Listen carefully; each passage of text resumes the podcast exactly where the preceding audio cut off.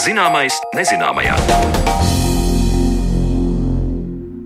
Esiet sveicināti redzējumā, zināmais nezināmajā. Ar jums kopā esmu Sandra Kropa, un šodien mēs svinēsim Latvijas Universitātes botāniskā dārza simto jubileju.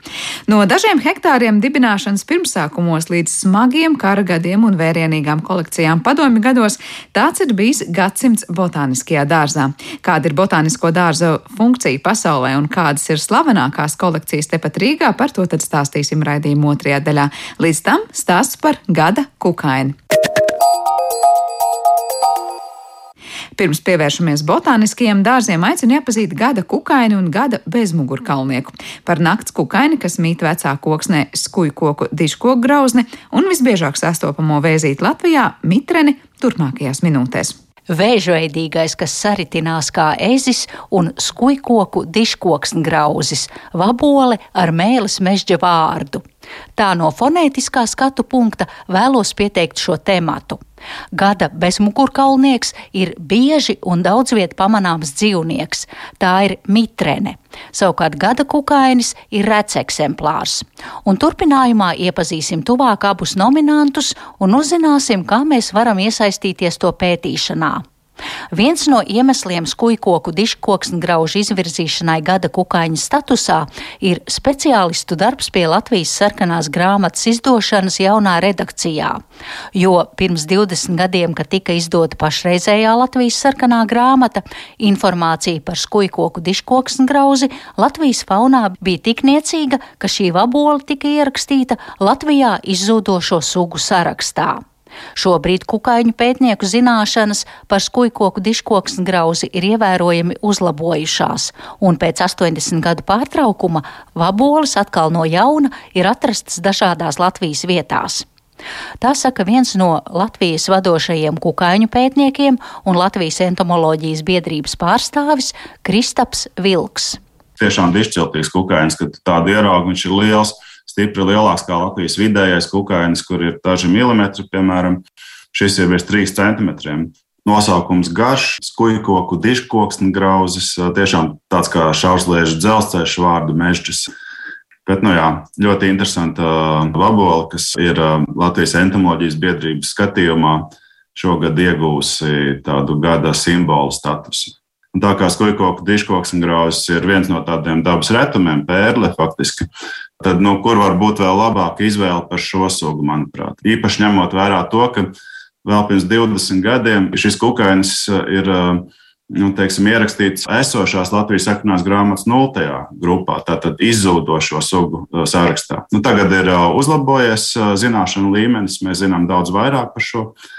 Bet nu, tā, tā bija viena no motivācijām. Otrs ir ka kopā ar dažiem kolēģiem Latvijas dabas muzejā un, un citiem mums ir radusies vēlme, tāda ideja popularizēt plašākā sabiedrībā koksnegraužu novērošanas jautājumu. Varbūt klausītāji zina, ka uh, no iepriekšējām sarunām uh, vai publikācijām, teiksim, dabas datu portālā, ka visā Eiropā ir ļoti populāra un kļūst aizvien populārāka tauriņu vērošana kad cilvēki dodas dabā, nofotografē viņus, publicē savus novērojumus. Bet uh, koksngrauža nav ne mazāk interesants novērojuma objekts, un uh, tur ir uh, Latvijā daudz sugu, virs 120 sugām. Un, uh, varētu būt tiešām tāds azarts cilvēkiem atrast viņus, mācīties, pašizglītoties, teikt, meklēt šo informāciju, pēc tam pārliecināties par savu varēšanu, atrodot šīs sugas dabā. Un trešā lieta, kas mums likās šobrīd tāda aktuāla, ir uh, Eiropas zaļais kurs. Visi tie jautājumi, kas saistās ar veciem mežiem, ar uh, dabas daudzveidību, arī ar atmirušo koksni, kas ir viens no dabas daudzveidības tādiem svarīgākajiem indikatoriem attiecībā uz mežu. Mežā katra ceturtā, piektā suga, kas dzīvo mežā, Tā ir saistīta ar kritālām vai sausokņiem. Un atkal šeit skujkoku diškoksnegrauzes ir kā jau koksnegrauzes, dzīvo tātad koksnē, bet atmiršā koksnē. Dažreiz cilvēkiem ir izdzirdot šo vārdu koksnegrauzes, liekas, tad tūlīt uzbruks kādam augošam mežam.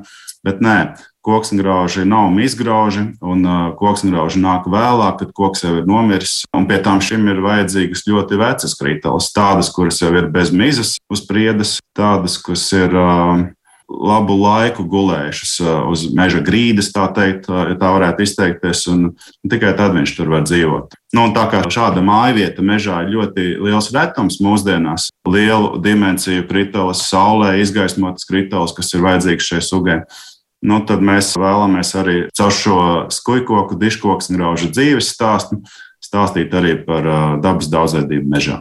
Skujkoku diškoks un grauzis ir nakts kukainis, tātad grūti pamanāms, un, lai to ieraudzītu, ir jāmeklē Kristapa pieminētās kritālas, un tās jāizgaismo ar kabatas lukturīti, lai varētu šo vaboli ieraudzīt daudz vieglāk un jebkurā gada laikā, mežā var pamanīt diškoku skujkoksni grauža izgāstās durvis koku stumbros, jeb izskrejas. Kas ir izskrējis? Tas ir tāds caurumiņš tajā atmirušajā koksnē.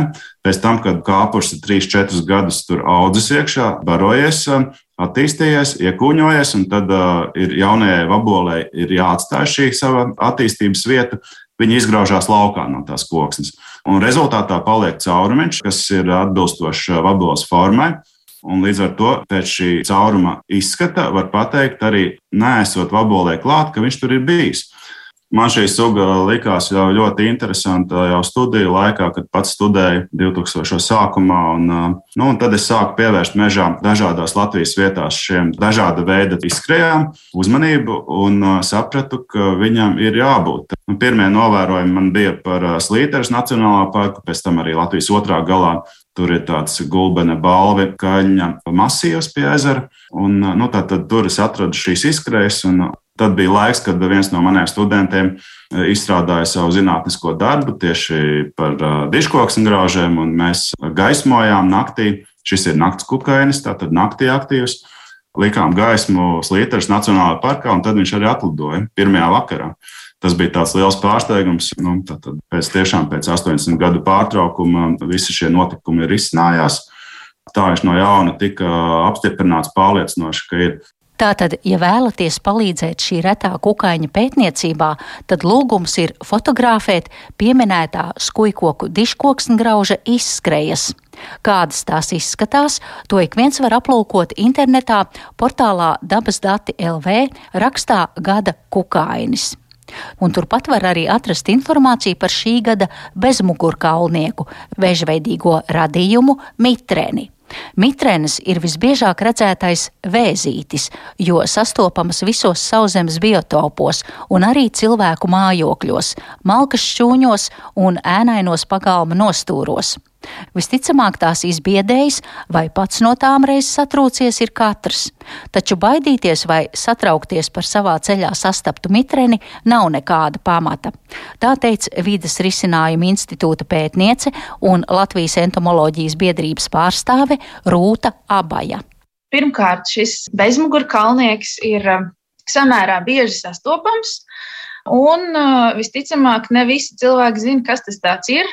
Un es esmu arī manījusi, ka cilvēki dažkārt izbīstās, vai viņiem liekas, ka tas, ko mēs nesaprotam, tas ir kaut kas kaitniecisks. Tad šajā gadījumā par mitrinēm ir tā, ka viņas patiesi nav uztveramas par kaitēkļiem, bet īstenībā par ļoti labvēlīgiem un vajadzīgiem dabas sastāvdaļu kā tādu.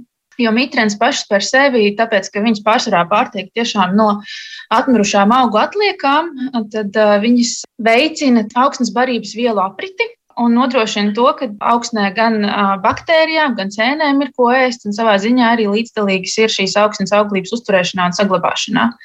Jā, protams, ir varbūt reti gadījumi, kad tieši mitru apstākļu dēļ pagrabos vai varbūt pārmitrākās vasarās dārzos, kad vienkārši tur ir pārāk mitrs, tad viņas arī var gadīties, ka viņas pārtiek no kādiem augļiem vai dārzeņiem kuri ir svaigi, nevis sākuši sadalīties, bet tas ir tikai šo mitro apstākļu dēļ. Jo mitrens pašs par sevi indicē tieši šo mitro apstākļu esamību, viņas pašas viņas to nerada. Man interesanti arī šķiet šī mitreņu īpašība, kad šie mazie radījumi briesmu brīžos saritinās kamolā kā tādi ezīši. Jā, tā dara viena daļa mitreņu. Visas uh, sugas uz to nav spējīgas. Tas ir mitrenēm arī atšķirās um, pēc ķermeņa uzbūves. Ir tā, ka vienas, piemēram, tur arī klasificē ir tādas, kas ir uh, aktīvi pārvietojās skrienot. Līdz ar to tās viņām tas ķermenis ir veidots tā, ka viņas negluži var tajā briesmu brīdī tādā perfektā lodītē saritināties, bet ir tādas, kuras tieši atkal spēj tajā briesmu brīdī tajā lodītē saritināties. Un mums Latvijā arī tādas ir sastopamas gan vienas, gan otras. Tā saritināšanās ir tas pielāgojums, lai pasargātu tos savus vārīgākos ķermeņa orgānus. Tās pašas, piemēram, žaunas vai žaunām līdzīgos veidojumus, kas viņām ir vēdera apakšpusītē. Un tad viņas tā saritinās tādā lodītē, pasargājot šos savus jutīgākos orgānus. Skatot tālāk informāciju, ko portālā dabas dati jūs esat publicējusi par mitrenēm, lūkšu arī pastāstīt par to, ka mitrenes spēja paciest smago metālu piesārņojumu. Pastāstiet, kā mitrenes šos metālus uzkrāja savā ķermenī spēja absorbēt šo smago metālu piesārņojumu savā ķermenī. Tur ir tādi speciāli dziedzeri.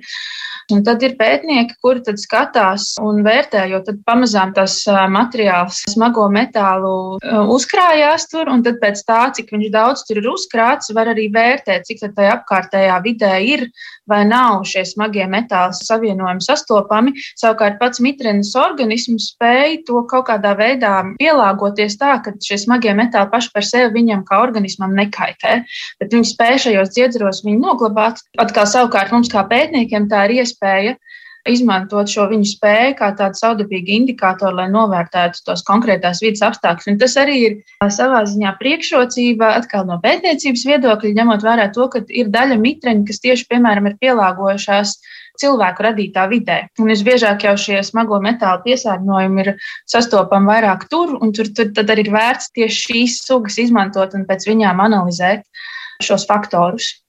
Saskaņā ar informāciju saprotu, ka pasaulē mitreņu sugu skaits ir no 5000 līdz 7000, bet pie mums līdz šim ir konstatētas 20 mitreņu sugas.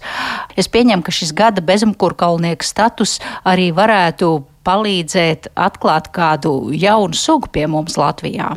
Jā, jo vairāk ir dati un jo vairāk ir informācijas, tas jebkurā gadījumā mums kā pētniekiem ir iegūms. Tāpēc arī ir aicinājums. Mums Latvijā kopumā ir vismaz droši zināmas 20 dažādas mitreņu sugas konstatētas. Un būtu jauki, ja mēs varētu arī izmantojot šīs bildes, ko cilvēki gada laikā iesūta, ir tīpaši, ja viņi ievēro to, ka viņi nobildē gan viņu no augšpusītes, gan no apakšpusītes, gan uh, no priekšas, lai mēs varam redzēt, jo tas, kas ir svarīgi mitreņu sugu noteikšanā, ir gan tā ķermeņa forma, kāda viņām ir, gan kāda ir antenu uzbūve, gan galvas priekšpusē, gan aizmugurē ķermenim dažādas atsevišķas pazīmes.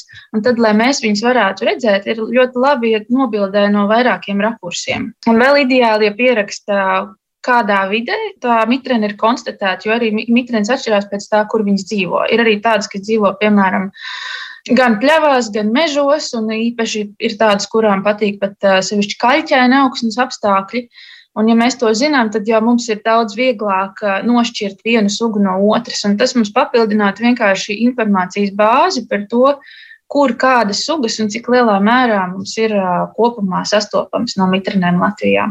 Tātad jauni aicinājumi dabas draugiem - pētīt un fiksēt mitrenes, kuras var sastapt cauru gadu, kā arī skatīt reto vaboli, skujkoku, diškoksni grauzi, vai arī tās atstātās pēdas kritālu stumbros. Un tādējādi ar saviem novērojumiem jūs palīdzat popularizēt un pētīt dabas daudzveidību un iespējams arī atklāt kādu jaunu sugu.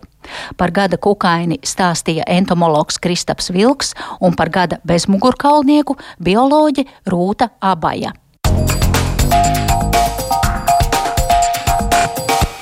Jūnijas ir mēnesis, kad apaļu un lielu jubileju svin senākais botāniskais dārzs Latvijā. Kāds bijis Latvijas Universitātes botāniskā dārza gadsimts, kādi vēsturiski notikumi veidojuši to un kāda ir botānisko dārzu funkcija pasaulē, par to tad mēs šodien visu runāsim atlikušajā raidījuma pusstundā, kad mūsu studijā ir pievienojušies Latvijas Universitātes botāniskā dārza direktors Ulris Kondratovičs. Labdien! Labdien! Un arī šī paša botāniskā dārza direktora vietniece Signa Thompsona. Labdien! Labdien.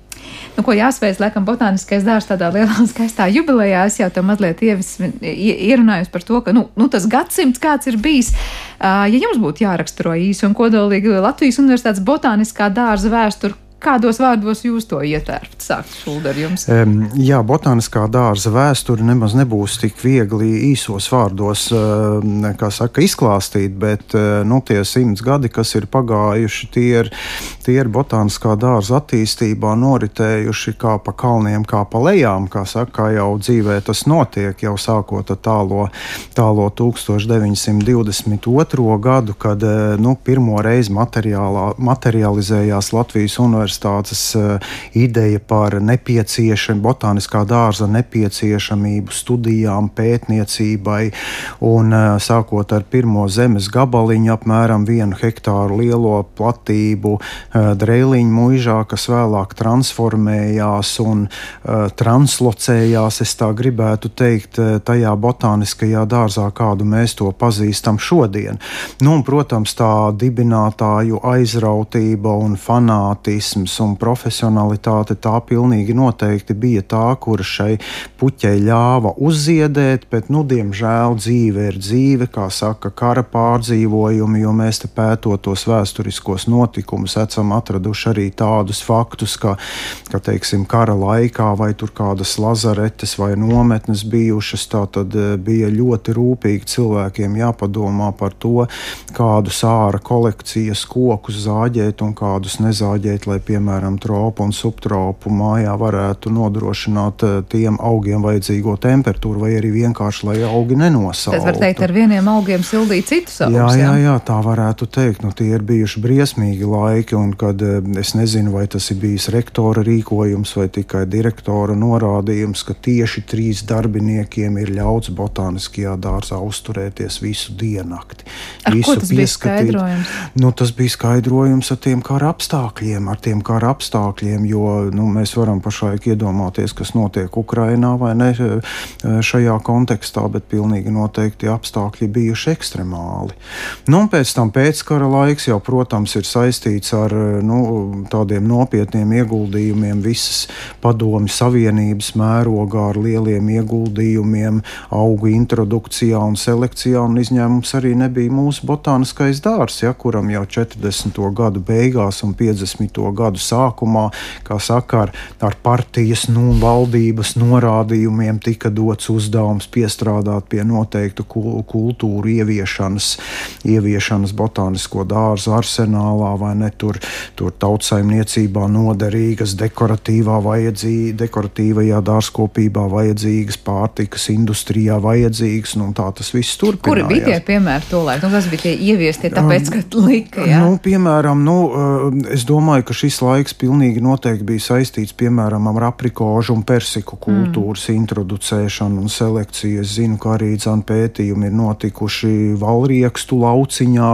riekstu koki. Tātad 50. gadu beigas ir bijušas tās, kad ir aizsākusies mūsu e, slavenās rododendru kolekcijas veidošana tālajā 1957. gadā. Un, tā, un, un, un beigu beigās mūsdienas, kad jau mēs pilnvērtīgi varam iejust iejusties visas pasaules botānisko dārzu saimē ar, ar attiecīgajām tiesībām, ar attiecīgajiem pienākumiem, kas ir saistīti tieši ar botāniskā dārza misiju, respektīvi e, floras e, kolekciju vākšana un uzturēšana. Nu, botāniķi un biologi saka eksitu, tas nozīmē ārpus to dabīgajām augšanas vietām, jo, kā mēs zinām, tā klimata izmaiņas, cilvēka ietekme un, un kas ir saistīts savā, savukārt savukārt dažādu sugu apdraudēšanu, izzušanu, un tad botāniskie dārzi pēc būtības veidojas kā tās mazās, mazākas vai lielākas oāzes, kurās šīs kultūras, vai pareizāk sakot, savvaļas sugas var pastāvēt, lai,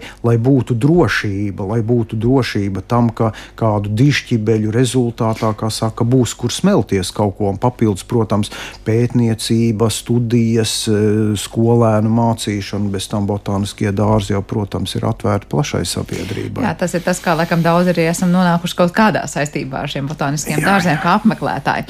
Nu, kā Ulds mums daudz un plaši patiesībā ieskicēja visu to vēstures tādos jā. lielos vilcienos signē, varbūt došu vārdu no kādām sajūtām nākusiem simts gadiem skatīties vairāk uz tādu interesantu kolekciju veidošanas vietu, vairāk uz tādu tiešām kā pa kalniem kāpalējām Uldis teica, tur ir bijuši gan kara laikā, nu, ļoti atšķirīgi apstākļi no kā, kā varbūt pirms kara laikā, tā ir tāda pētniecības vieta, kas ir pašai sajūta ziņā tas botāniskais dārzs bijis tajos simts gados.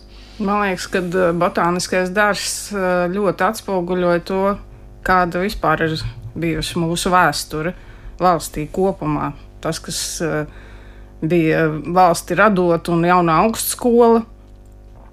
Un, tie centieni izveidot noteikti studiju programmas un pētniecības virzienus. Uh, tie tad arī nu, tā, tādēļ radās, kā Ulas teica, botāniskais dārzs tieši lai mācītu botāniku studentiem.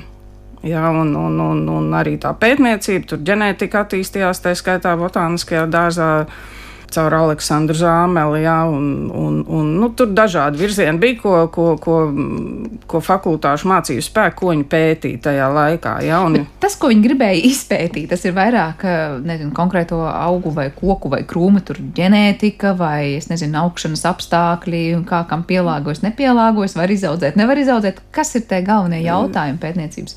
Nu, ļoti jau dažādi, jo tas jau tāpatās kā mūsdienās, tā joma, kas interesē konkrēto pētnieku, ja, pie tās viņš arī darbojās. Ja, un, un līdz ar to Aleksandrs Zāmels, piemēram, jā, viņš eh, nodarbojās ar, ar iedzimtības pētījumiem. Un, un, un teiksim, atkal Nikolais Malta, profesors un, un, un, un pirmais direktors visu pirmās brīvās laiku botāniskā dārzā. Viņš arī vairāk kārtējs dekāns dabas zinātņu fakultātē. Viņš suns, piemēram, pētīja. Mm, tad atkal mm, direktora Ozoliņa, kas jau pēc kara bija, bet Latvijas laikā viņa pētīja fosilo floru, piemēram. Nu, līdz ar to nav tāda viena virziena. Ja? Ir tā, ka mēs laikā varam skatīties, ka tas pētniecības, es nezinu, nu, jautājumu lokus ir izteikti mainījies, ko pētīt 50. gados un ko šobrīd botāniski. Jā, jā, noteikti, jo, jo kā jau direktors teica, tad eh, padomi laikā šī te kopējā padomu savienībā esošā tēma visiem botāniskajiem dārziem - introdukcija un selekcija. Nu, tā atspoguļojās arī visā dārza dzīvē un tajās kolekcijās, jā, kas ir arī redzams šodien. Jo sākotnēji tā tad pēc kara bija šis te mečūrina dārzs, un tur nu, mēs varam tikai lasīt par to, jo no tā saglabājies daudz nav, bet tad bija arī dažādi uh, kultūra auga pārtikā izmantojami, ja, un, un ķirši un ābeles un, un, un dažādas puķu kultūras dekoratīvās un dažādi ēdama augi. Ja. Bet tālāk jau teiksim, tāda nopietnāka selekcija, vai nu tās pašas persika aprikozes, vai rododendri, vai magnolijas atlasītas, ja, nu, kas tagad ir viena no vērtīgākām kolekcijām. Un, un tāpat dālīga kolekcija, ja, kas arī šodien ir apskatāma, ja, nu, respektīvi, uh, tajā laikā bija šie introdukcijas un selekcijas uh, virziens attīstīts, kas, uh, nu, cik es saprotu, pārējā pasaulē vairāk vai mazāk bija privātās uh, biznesa jomā. Nu, nu, nu, nu, tagad tas nu, arī nebūs valsts atbalstīts tā ļoti plaši, ja, bet nu, atsevišķi tādas momenti vēl ir palikuši. Uh, rododendru selekcija vēl tagad Latvijas universitātē nodarbojās. Ja. Un tās iepriekšējās kolekcijas, protams, mēs, mēs uzturam nevis gluži kartupeļus, tomātus un, un, un, un tam līdzīgas, kas bija tad, kad bija minčūrina. Uh, šis dārsts arī mūsu dārzā, ja tas, tas viss nav, bet nu, daļa, kas tālāk attīstījās 60., 70. un 80. gados, tas ir apskatāms dālīs, magnolijas, rododendri, acālijas. Ja. Nu tā, tas tā tad pilnīgi atšķirās no pirmās brīvās laika.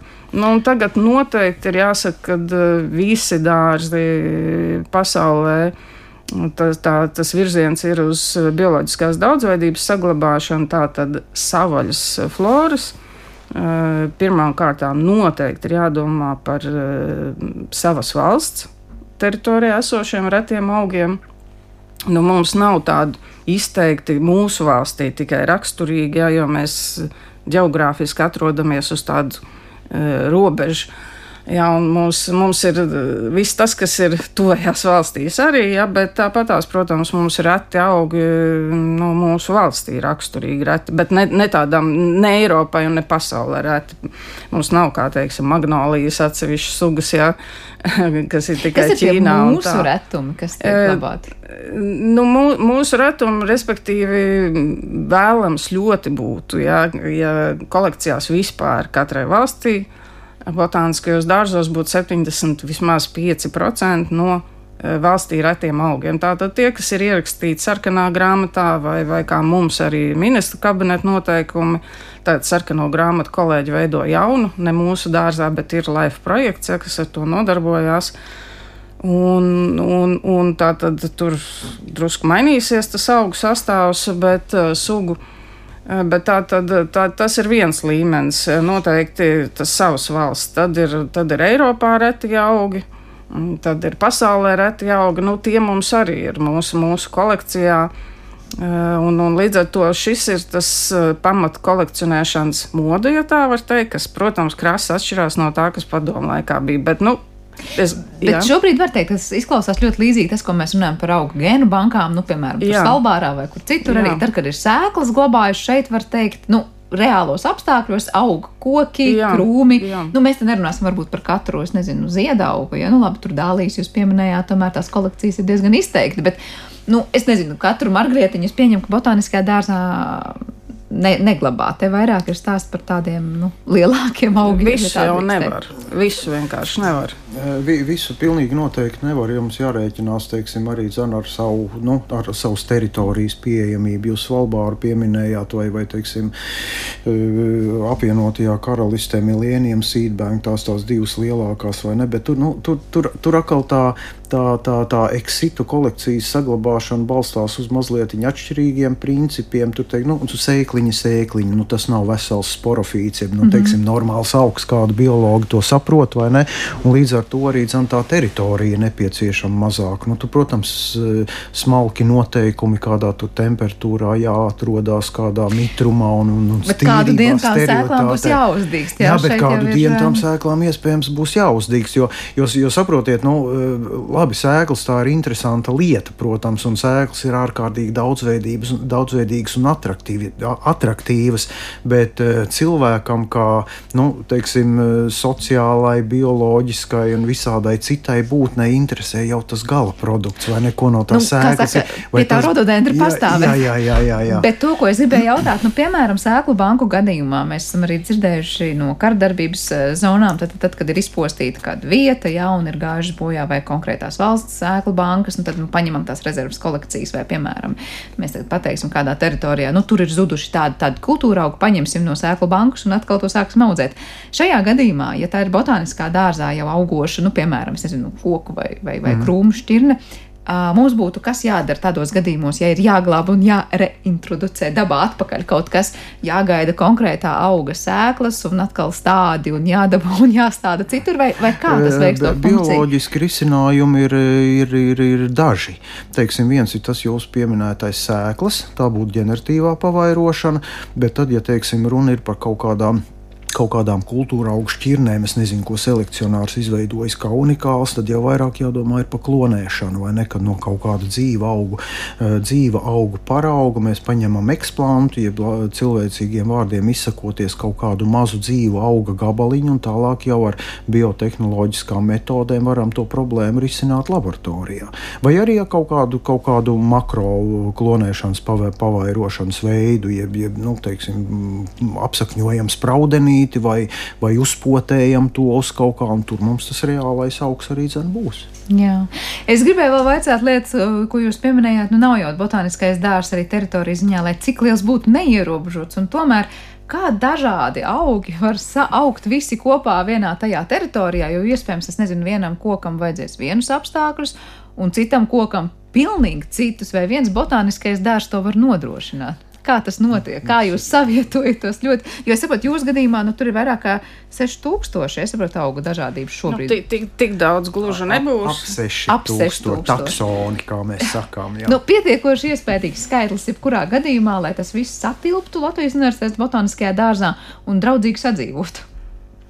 Jā, visu nevar, tāpēc, ka apstākļi nebūs piemēroti. Nu, tas, kas ir, teiksim, siltumnīcā, nu, tas ir naudas jautājums. Jā, cik kurš botāniskais dārzs var atļauties piemērotus apstākļus, nodrošināt temperatūru, mitrumu un, un dažādus citus šos apstākļus. Tā, tā, tas vairāk vai mazāk ir tehnisks jautājums, bet tas, kas aug ārā, nu, tur dabīgi mums ir smilšu augsne, tā tad agenskalna kāpas. Jā un, un, un, un tas nosaka savu, un arī teritorijas izmērs, protams, un, un, un šī auga savstarpējā sadzīvošana. Un arī vienmēr veidojot kolekcijas, jau arī, ir, um, arī mūsu kolēģi seko, un, un teiksim, tas ir vairāk saistīts ar uh, ziemcietīgajiem lakstaugiem, apmēram 50 uh, eh, gadus uh, vairāk pat uh, ir vākti fenoloģiskie dažādi novērojumi un dati par to, kā viņu kolekcijās esošie. Tajā laikā bija modē šie dekoratīvie augi, kas ir izmantojami, iesakāmi. Um, Tātad apstādījumiem, to pētīšanu, un līdz ar to arī, protams, kolēģi vēroja, un tas turpinās arī šodien, veidojot tās kolekcijas, attīstot tālāk. Uh, to, kā tie augi vairojās, kā viņi pielāgojās. Jo, teiksim, dārzā visi mēs esam priecīgi. Es runāju par privātā dārzu. Ja? Mēs gribam to, kas ir skaists un, un aug viegli, bez kopšanas, pats, pa, pats tur labi vairojās un, un, un prasa maz rūpes. Tas vienmēr ir risks, protams. Uh, kad viņi pārāk labi var iedzīvoties un, un, un kļūst par dārzbēgļiem, kļūt kādreiz var būt vai, vai par pat invazīviem augiem. Un, un mūsu kolēģi sekojot šos daudzos gadus savām kolekcijām līdzi un jaunumiem, ko viņi cenšas ieviest kolekcijās, jā, konkrēti runājot šajā gadījumā par ziemcietīgiem lakstaugiem. Nu, arī pēt, fiksējot šīs dažādas bioloģiskās īpašības, tad vilšus, nevilšus nonāk pie secinājumiem. Un arī vērojot, kas notiek savvaļā, nu, pirmkārt jau, jau tādās urbānās teritorijās, eh, kas nu, ir relatīvi savvaļa, bet tomēr negluži kultivētas, ja nav dobas. Eh, nu, mēdz jau tomēr sugas arī izmukt. šķirnes izmukt. Jā. Un līdz ar to tas arī ir viena no tām atbildēm jums, jā, kā, kā tie augi jūtās, kā viņi sadzīvo. Mums jau ir tādi augi, kas izplatījušies zālienos, jā, ļoti skaisti izskatās, jā, pavasarī īpaši, jā.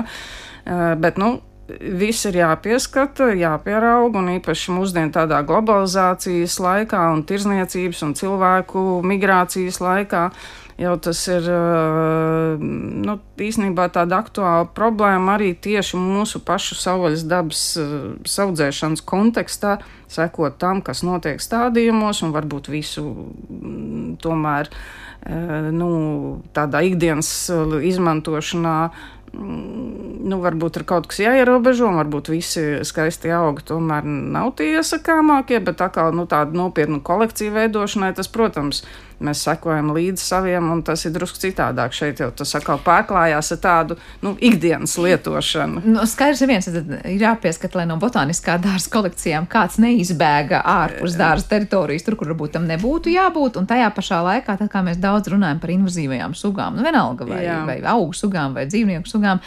Uh, kad to ienākšanu Latvijas dzīvotnē, piemēram, apdraud lokālās, vietējās sugas, uh, ir jādomā par to, ka arī botāniskajā dārzā var nonākt kaut kas no svešajiem, kuram nav jānonāk. E, jā, droši vien, kad ir jādomā, un tāpēc jau kolēģi arī ir e, seko līdzi, jā, un, un, un, un, un, un Tāpēc arī katrs augs, kas varbūt sēklas veidā vai spraudeņa veidā nonāk botāniskajā dārzā, viņš nekad netiek uzreiz pieņemts kolekcijā. Ir tā primārā izpēte, ja, vajadzīgi saprast, kā viņš aug, kādas, kādas viņa īpašības bioloģiskās, un, un, un, un, un varbūt lakstaugam tas būs ātrāk, kokaugam ilgāks tas laiks paies, līdz tiek pieņemts, līdz botāniķis pieņem lēmumu, jā, ka šis ir kolekcijā iekļaujams paraugs, jā.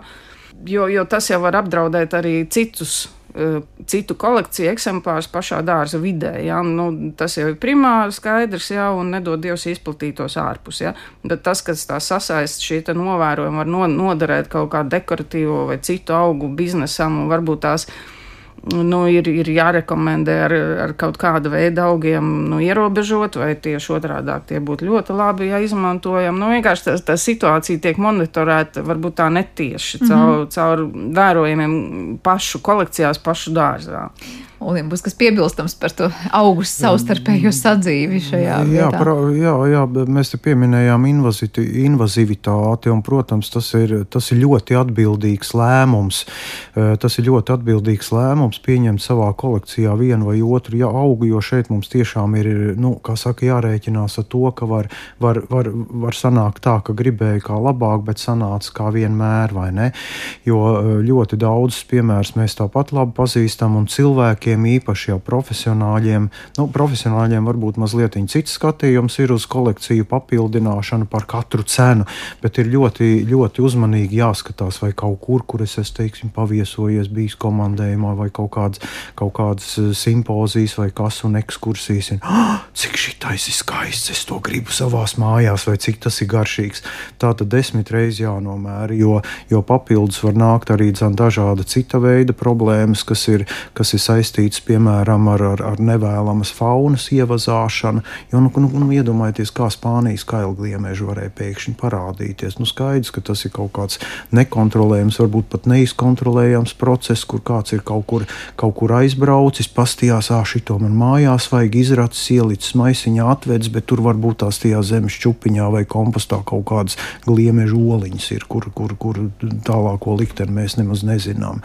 Un tāpēc eh, ļoti nozīmīgi, es domāju, kaut arī reizēm reizē mazliet apgrūtinoši, bet eh, ļoti, ļoti nozīmīgi ir sadarbība ar dažādām eh, pārvaldes institūcijām, piemēram, ar auga aizsardzības dienestu, vai ne, kuriem ir tomēr ļoti skrupulozi jāsako līdzi tādai sadarbībai, kā saka, lai neiznāktu tāda amatieriska sākotnēja priecāšanās, par kuru mēs pēc, pēc 10 vai 50 gadiem kožam pirkstos. Domājam, kā, kā kā tur viss tagad apsaimniekot, lai nebūtu. Jā, jā. Bet es vēl gribēju noteikti pavaicāt to, ka jūs minējāt, nu, tie augi, kas tagad ir botāniskajā dārzā, nu, ir tie, kas nav savā dabiskajā, varbūt, mhm. izplatības tur areālā un šobrīd atrodas šeit. Uh, vai tas kā augsts? Konkrētais uh, augsts, piemēram, Latvijas Universitātes botāniskajā dārzā, bet patiesībā viņa dabiskie izplatības areāli būtu kaut kur krietni vairāk uz dienvidiem vai kā citādi. Nu, labi, te būs siltumnīca vai kas cits. Ļoti atšķirsies vizuāli tajā, cik liels tas izaug, kāds tas izaug, un vai beig beigās nav tā, ka botāniskais dārzs ir tās nu, neliels atdarinājums, bet nekad ne līdzībās runājot, nu, mēs sasniegsim to, kā tas augs izskatīsies dabiskajā vidē. Jā, tas noteikti tā ir.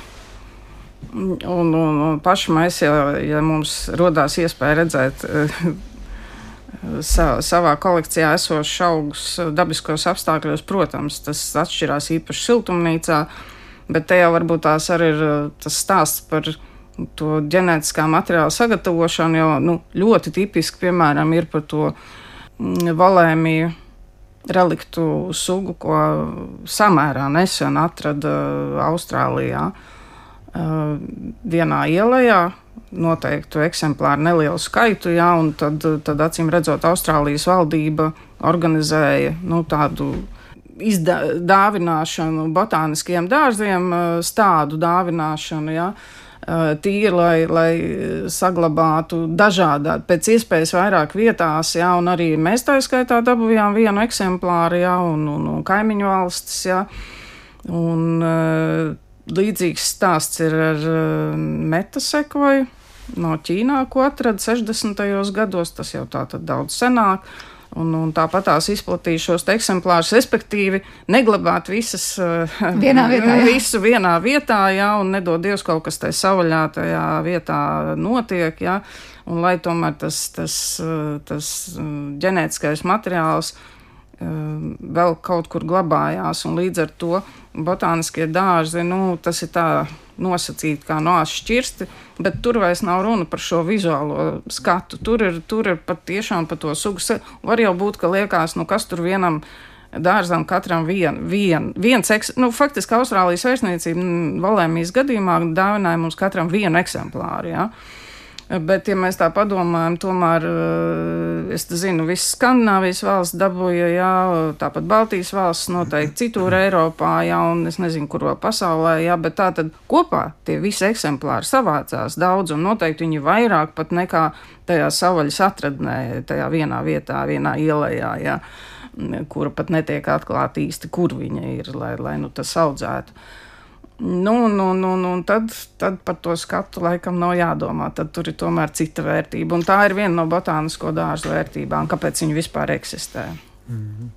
Jā, man viens, viens komentārs ienāca prātā, tad, kad Sandra par to atdarināšanu te pilnīgi skaidrs, ka mēs nevarēsim augiem nodrošināt identiskus apstākļus, kādi tiem ir teiksim, to dabīgajās augšanas vietās, kaut kā ilustrējot to ar elementāru piemēru, kuru visi zina ļoti labi, kā piemēram garšo vasaras tomāts, kurš ir izaudzis dārzā no tiem tomātiem, ko mēs ziemā varam nopirkt lielveikalos. Ir taču atšķirība. Jo saprotiet, mēs, visi, mēs tos apstākļus imitējam pēc būtības apgaismojumu, fotoperiodu, gaismas intensitāti, kaut kādas minerālo barošanos un hidroponikā, ūdens režīmu tam līdzīgi. Bet līdz galam jau neizdodas noimitēt to, ko dabīgos apstākļos dod saulīte, attiecīgā augsne, lietus periodi vai lietus regularitāte un tam līdzīgi. Kā, bet, bet kā jau Signa pieminēja, tas svarīgākais ir tas, ka tas ģenētiskais materiāls nemainās, jo, jo tas ir nemainīgs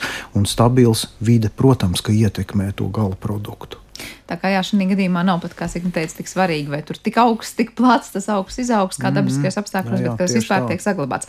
Nu, te mēs nonākam pie tā fināla jautājuma, jo, nu, protams, ka mēs te ik pa laikam šodien dzirdam, ka šī ir tā nu, vieta, kur saglabāt to augu, un tomēr jūs vairāk teikt, ka botāniskie dārzi šajā gadsimtā veic to zinātnisko funkciju vai to izklaidējošo funkciju, jo es domāju, nu, tikpat labi daudziem saka, nē, es redzēju tur dzīvē tādu un tādu koku, nācu uz botānisko dārzu, to viņi redzēja savām acīm. Pat pat ja tas būs izmēros mazliet atšķirīgs nekā savos dabīgajos traukšanas apstākļos, kaut kur Austrālijā, Ķīnā vai tropos. Nu, man liekas, varbūt tās. Eh, jāsaka, ir nevis izklaidējošā funkcija, ja, bet um, izglītojoša. Izglītojoša, izklaidējoša. Ja. Tagad varbūt tā mēs drīkstam teikt, jo nu, tas ir zināmā mērā tāds preventīvs pasākums. Tomēr, jo tas tomēr ir vissvarīgāk, eh, nenovest to situāciju līdz kaut kam kritiskam, bet ļoti jauki ir, ja, ja mm, sabiedrībā cilvēki tomēr par dažādām jomām, tā skaitā bioloģisko daudzveidību un kādēļ vispār augi mums ir vajadzīgi un kādēļ viņi ir vajadzīgi dažādi, ka viņi to zina un tad arī varbūt saudzīgāki mm, risinājumi ir. Un, un ļoti labi, kad uz botāniskajiem dārziem tiek vesti jau, jau mazi bērni, un lielāki bērni, un skolēni un jaunieši. Ja? Jo nu, varbūt katrs uh, savvaļā ikdienā tik bieži viņam nav iespēja, kāda nu, katram ir tie dzīves apstākļi. Ja, pabūt. Un, un, un, un, un, un tādā veidā, man liekas, tas izglītojošā funkcija tomēr ļoti būtiska tam cilvēkam izaugot, lai viņš varbūt tās nākotnē arī kā pieaugušs cilvēks pieņemtu pareizākus lēmumus. Bet, uh, Nu, neapšaubām, protams, ka visiem botāniskajiem dārziem, ja kādreiz vēsturiski botāniskie dārzi pasaulē veidojās tur kā klosteru dārzi ar ārstniecības augiem, nu tā lēnām attīstījās 500 gadu vēsturi apmēram kopā botāniskajiem dārziem kā tādiem ir. Mm, senākais ir Itālijā, Padujā, bet eh, dabīgi, ka mūsdienu apstākļi uzliek, eh, maina tās, teiksim, darbošanās, eh, un dzīvošanas eh, un eksistēšanas tās iespējas botāniskiem dārziem, un kaut kādā mērā varbūt tā izklaides funkcija arī nāk līdzi, bet nu, no otras puses, ja viņa ir tāda saturiska, kāpēc nē? Ja? Jo, jo nu, jā, varbūt tā nav tā sliktākā.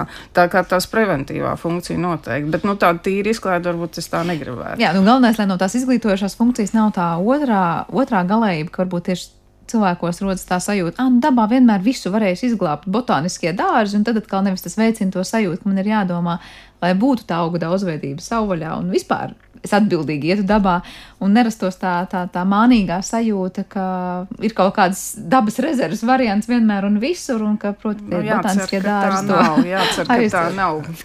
Jā, jā, jo es te gribēju patiesībā šo sarunu e, mazliet papildināt ar, ar vienu konkrētu elementu, jo, jo piemēram, mē, mēs saprotam augu, nu, kādi augi ir, nu, viņam ir lapas, ir saknes, ir, ir, ir stumbrs, ir ziedi, augļi un tam līdzīgi. Tā var būt zāle, laksta augs, koks un tā. Un tā. Bet e, varbūt tās cilvēkam nav skaidrs, nu, pagaidi, nu, koks, nu, cik ilgi viņš dzīvos. Viņš jau arī nav mūžīgs. Nu, 100 gadi, 200 gadi, 200 gadīgs ozols, nokaltis, tur kaut kādas ūdens līmeņa izmaiņas, un respektīvi nav apstākļi. Nu, viņš iet reāli bojā. Mēs to, nu, Tā varbūt tās nezinātājs teiks, nu kā, nu ņemat zāģi, zāģējiet nost, stādat jaunu vietā. Bet tā domāšana ir diezgan sekla, jo, jo dārgie draugi, mēs e, padomāsim arī par citām būtnēm. Jo tādā vecā nokautušā ozolā, kam lobās mīzes un metās piepes uz stumbra virsū, tā ir ideāli dzīvot miljoniem citu organismu. Un, respektīvi, mēs, mēs, mēs piemēram tādiem veciem milžiem, kurš tur ir aizlūzis vai kurš ir arboristu apdarināts, lai būtu cilvēkiem, apmeklētājiem, darbiniekiem drošs, vienkārši demonstrējam, ka mīļie draugi tā arī ir nenormāla vērtība. Nu, redziet, arī tur tā, tā, tā ir izglītošana. Tāpēc būtības ir izglītošana. Par ļoti būtiskiem jautājumiem, jā, jā, jā, jā, ar kuriem mēs patiesībā jā, jā, jā. saskaramies ik uz soļa saistībā ar vidas jautājumu risināšanu.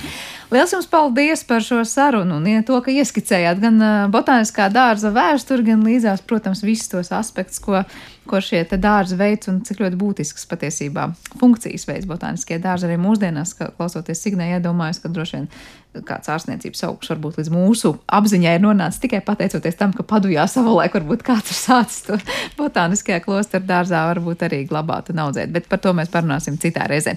Latvijas Universitātes botāniskā dārza direktors Ulris Kondratovičs un šī paša dārza direktora vietniece Signa Thompsona šodien viesojas mūsu raidījuma studijā. Paldies par to, ka to klausījāties, un šī raidījuma producenta bija Paula Gulbinska, skaņu režijā Kristīna Dēla, par mūziku gādāja Girds Bišs, bet pirms kopā es Sandra Kropa. Uz tikšanos!